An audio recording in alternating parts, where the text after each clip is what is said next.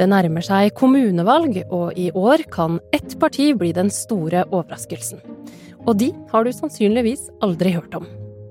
Nå kommer det et parti som er eh, av og med helt vanlige folk. Et ukjent og oljevennlig parti er nå mer populært enn Miljøpartiet De Grønne på målingene. Du hører på Forklart fra Aftenposten. Det er 8. juni, og jeg heter Anne Marie Maugesten. Industri- og Næringspartiet, eller INP da, som det kalles, det er et ganske nytt og ukjent eh, parti. De sier sjøl at de er veldig opptatt av å bevare miljøet, men de vil òg legge til rette for en vekst i oljenæringa. Sigrid Gausen er politisk journalist her i Aftenposten og har kikka på de nyeste partimålingene. Og der er det ett parti som skiller seg ut. Industri- og Næringspartiet, altså INP, får 3,3 oppslutning på Norstats siste måling. Og det er den beste målinga de har hatt hittil. Og mannen som kanskje er mest fornøyd med det, han heter Ove Ingemann Waltersø. Jeg tror det politiske landskapet nå trenger folk med arbeidslivserfaring. Han er da partileder for eh, Industri- og Næringspartiet, og er grunnlegger eh, for det partiet. Han har sjøl hatt eh, lang arbeidserfaring med industri og olje- og gassnæringa. Han er opptatt av å bevare natur og miljø. Og at partiet jobber da for å fjerne f.eks. vindturbiner som griper inn i naturen, og vil bevare norske naturressurser med tanke på vannkraft. Han og partiet er for at vi skal lete etter olje. Og den politikken kan se ut til å ha truffet en nerve nå. For dersom det hadde vært stortingsvalg i morgen, og dersom resultatet ble akkurat som på den målinga her, så ville partiet faktisk fått én representant på Stortinget. INP har blitt spesielt populært på Vestlandet og i Nord-Norge. Der er det jo en del industri i de her delene av landet, så det kan jo gi litt mening sånn sett. Og han Waltersjø han mener sjøl at det er positivt at partiet ikke har en ideologi som eh, ligger da langs den tradisjonelle høyre-venstre-aksen som vi ser ellers i politikken, og at det er noe som folk har ønska seg over lang tid. Ja, for partiet vil ikke velge mellom rød eller blå side i norsk politikk. Og dermed så har Miljøpartiet De Grønne fått selskap i å kalle seg et blokkuavhengig parti. Det stemmer, men Waltersjø han er klar på at det er partier som de absolutt ikke kan samarbeide med. Og han sier at han ikke ser for seg å kunne samarbeide med noe parti på Stortinget som går inn for vindkraft, verken på land eller til vann. Partiprogrammet til INP de legger veldig stor vekt på vekst og fortsatt letevirksomhet i oljeindustrien. Og Waltersjø sier at de aldri kunne samarbeide med et parti som ønsker å avvikle oljeindustrien. Så de to blokkuavhengige partiene vil kanskje aldri finne sammen. Eh, hvor henter eh, partiet velgerne sine fra, da? Det er i størst grad Frp og noe fra Senterpartiet. Det kan jo hende at eh, det er fordi at eh, partiet frister med en blandingsmeny av rødt kjøtt og litt eh, klimaskepsis, mye olje og gass, motstand mot EU og EØS. De sier nei til vindkraft, frustrasjon over strømpriser og andre snacks. Hva slags folk er det som stemmer på INP, da? Det er flest menn i alderen 50 til 59 år, og mange er fra industribygder, som for eksempel Odda. Men de finner folk i alle aldre òg. Og flere andre målinger har vist at INP kan få et lite gjennombrudd ved høstens lokalvalg, annet i Stavanger og Sandnes. Og det er altså høstens valg Industri- og Næringspartiet jobber mot nå. Og der kan de få en viktig rolle det har eh, muligheten til å bli litt sånn som bompengepartiet ved sist kommunevalg. Altså et parti som eh, kommer inn fra sidelinja og skaper litt kaos i den eh, etablerte partirekka.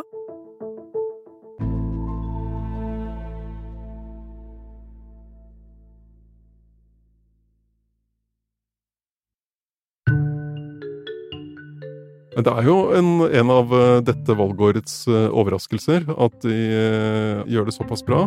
Og så er det veldig mye usikkerhet her. Kjetil B. Alstaheim er politisk redaktør i Aftenposten og følger nøye med på de ulike partiene. Han tror det er flere grunner til at dette nye partiet kryper oppover på målingene.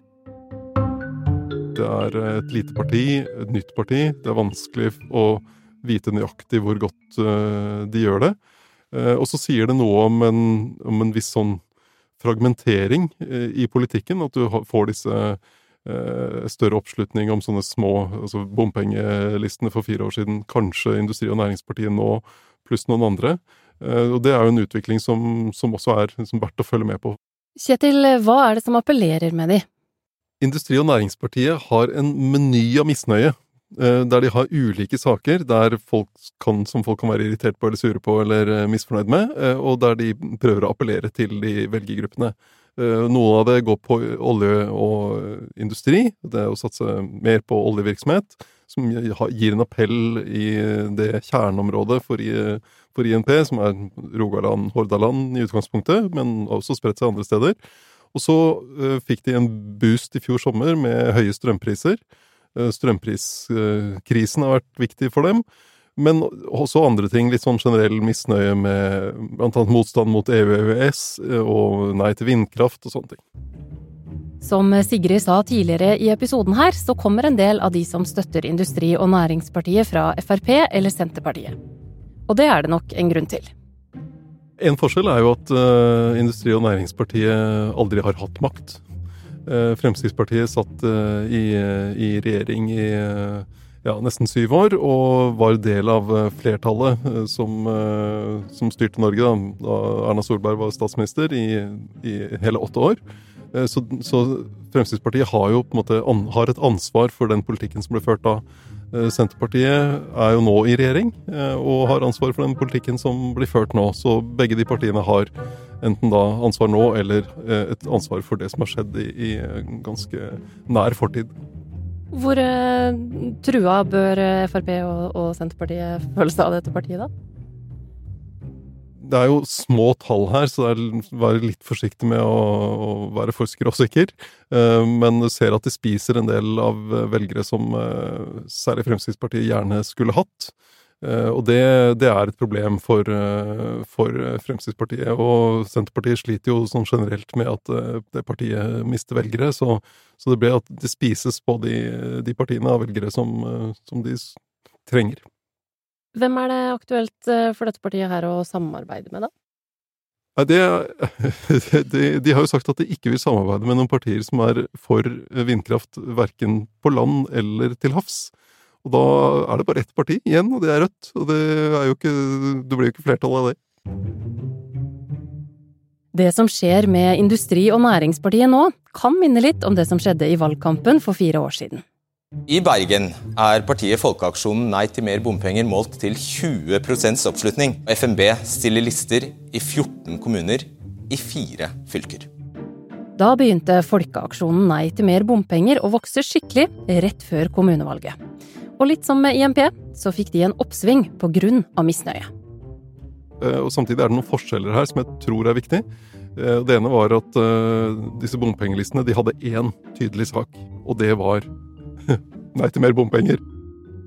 Og der hadde de god timing. I Bergen ble nye bomstasjoner satt opp på våren, og i Oslo var det endringer i bompengesystemet rett før sommeren. Og så de, hadde de en veldig tydelig motstander, særlig i Miljøpartiet De Grønne. Og det trengs også i politikken. Du må ha noen å krangle med for at du skal bli synlig. Og det gjorde at uh, disse bomlistene fikk et sånn gjennombrudd. Det er litt vanskeligere å se med Industri- og Næringspartiet hva som skal være den tydelige saken. Uh, hvis vi hadde hatt uh, de strømprisene som vi hadde i fjor sommer, så kunne det vært den saken. Men sånn som gasspriser og sånn og strømpriser har utviklet seg i Norge og Europa nå frem mot denne sommeren, så blir det ikke så satt på spissen. Og bompengepartiet, det som nå har fått navnet Folkets parti, har stagnert litt etter suksessen i kommunevalget. Man må i hvert fall nesten ha forstørrelsesglass for å se det partiet på målingen i dag. Og etter gjennombruddet for fire år siden, så har de støtt på oppsplitting og krangler om partiretning. Det å være et sånn nytt, eh, ferskt parti eh, der du ikke har fått satt en organisasjonskultur, Eh, det er ikke så lett, og vi ser også Industri- og Næringspartiet nå at det har vært sånn frem og tilbake om disse vedtektene. Og det, det er jo ikke så rart når det er en ny organisasjon i, som vokser veldig fort. Ja, nå står nok det i vedtektene våre, men det er, det er ikke sånn det egentlig foregår. Men sånne ting kan skape problemer etter et valg. Men uh, uavhengig av hvor godt Industri- og Næringspartiet gjør det på selve valgdagen, uh, tror du at de vil kunne påvirke valget i form av hvilke saker som blir satt på dagsorden? Jeg tror de er mer avhengig av at de sakene som dominerer, eventuelt passer for dem og gjør dem synlige. De som utfordres mest av Industri- og Næringspartiet, vil nok ha et behov for å på en måte kvittere ut de samme tingene, sånn som Fremskrittspartiet de snakker jo mye om eh, å satse på olje og sånn uansett, men for dem blir det viktig å vise fram det for å, å, å dra de velgerne som eventuelt måtte trekkes mot Industri- og Næringspartiet, tilbake til seg. Så, så kan, sånn, sånn, påvirkning kan det ha på valgkampen, og litt på hvordan, hvordan ulike partier tenker taktisk da, om hvilke utfordrere de møter rundt omkring på kjøpesenter og, og torg og i avisspalter og sånt. På målinga til Norstat så går INP litt opp, samtidig som Miljøpartiet De Grønne har gått ned. Eh, Kjetil, betyr det at eh, folk begynner å miste litt troa på klimaløsninger, eller? Nei, eh, sånn kan man ikke lese de målingene. Fordi vi så ved stortingsvalget i 2021 at klima var en av de viktigste sakene for mange velgere. Men det betyr ikke at de som har klima som en av sine viktigste saker, nødvendigvis stemmer på et av de partiene som vi ofte omtaler som miljøpartier, altså Miljøpartiet De Grønne eller Venstre eller SV. Men det, betyr at de legger vekt på klima når de vurderer de andre partiene. Og sånn som ved stortingsvalget i, i 2021, så hadde jo eh, de aller fleste partiene var veldig opptatt av å vise fram klimapolitikken sin. Unntakene der var Senterpartiet og Fremskrittspartiet. Sånn at velgere kan være opptatt av klima og likevel tenke at ja, men jeg syns Høyres klimapolitikk er god. Og så er jeg opptatt av skatt, f.eks., og der liker jeg Høyre best, så da blir det Høyre. Eller kan være opptatt av uh, Arbeiderpartiets uh, løsninger på, på uh, et eller annet felt. De fleste velgere er jo opptatt av en meny av saker, der klima er for mange et av punktene på den lista de har. Så sånn alt i alt, om du skulle spå nå, hvordan tror du det vil gå med INP i høst? Nei, det blir jo spennende å se om de får, uh, får inn noen. Uh, det kan jo se sånn ut. Uh, og så om det um, futter ut etterpå, sånn som det virker som det skjer med disse bomlistene, eller om det blir noe mer. Det tar veldig lang tid å bli et etablert parti rikspolitisk i Norge. Det er ikke lett. Så det er en lang vei frem dit, men vi får se hva, hva, dette, hva dette blir til.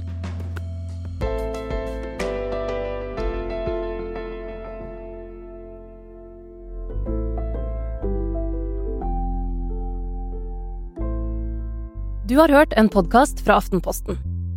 Det var Sigrid Gausen og Kjetil B. Alstaheim som forklarte deg hva Industri- og Næringspartiet er. Og undersøkelsene vi viser til i denne episoden, er gjort av Norstat for Aftenposten og NRK, og er utført blant 991 respondenter. Av disse oppga 679 partipreferanse. Undersøkelsen ble utført mellom 24. mai og 30. mai. Du har hørt lyd fra NRK. Denne episoden er laga av produsent Jenny Førland og meg, Hanne Marie Maugesten. Resten av Forklart er Anders Weberg, Synne Søhol, Olav Eggesvik og Philip A. Johannesborg.